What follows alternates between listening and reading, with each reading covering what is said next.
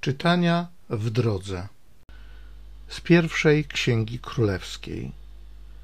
Gdy Eliasz przyszedł do Bożej Góry Choreb, wszedł do pewnej groty, gdzie przenocował. Wtedy Bóg rzekł: Wyjdź, aby stanąć na górze wobec Pana. A oto Pan przechodził. Gwałtowna wichura rozwalająca góry i druzgocąca skały szła przed Panem ale Pana nie było w wichurze.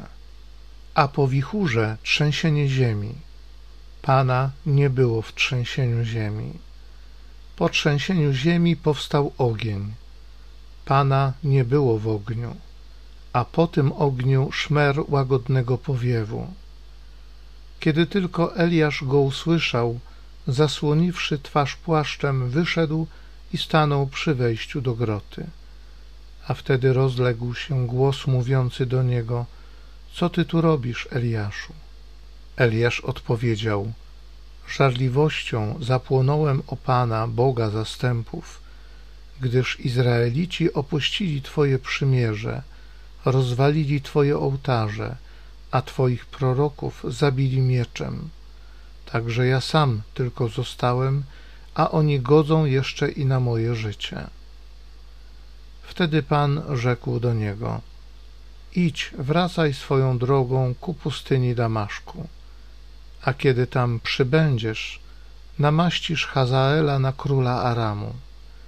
Później namaścisz Jehu, syna Nimsziego, na króla Izraela.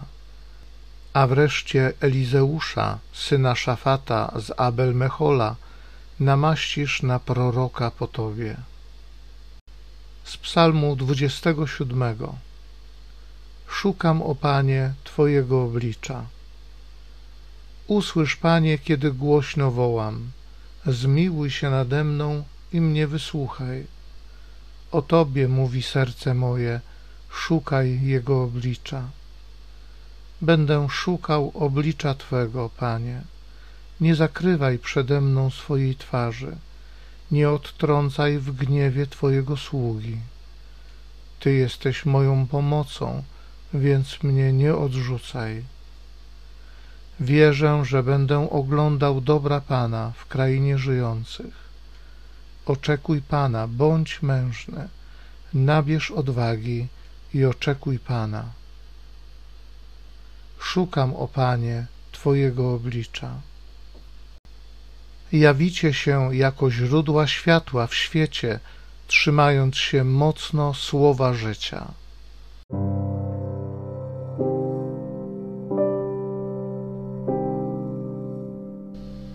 Z Ewangelii według świętego Mateusza.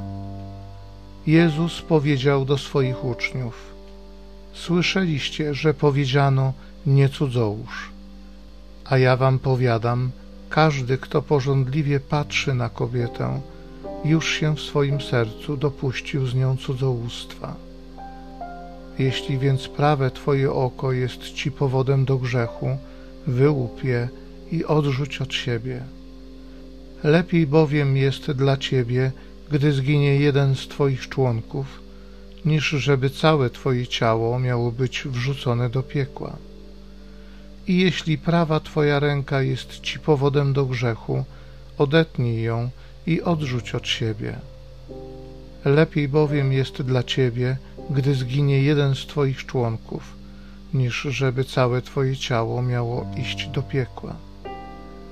Powiedziano też, jeśli ktoś chce oddalić swoją żonę, niech jej da list rozwodowy. A ja wam powiadam, każdy, kto oddala swoją żonę poza wypadkiem nierządu, naraża ją na cudzołóstwo, a kto by oddaloną wziął za żonę, dopuszcza się cudzołóstwa.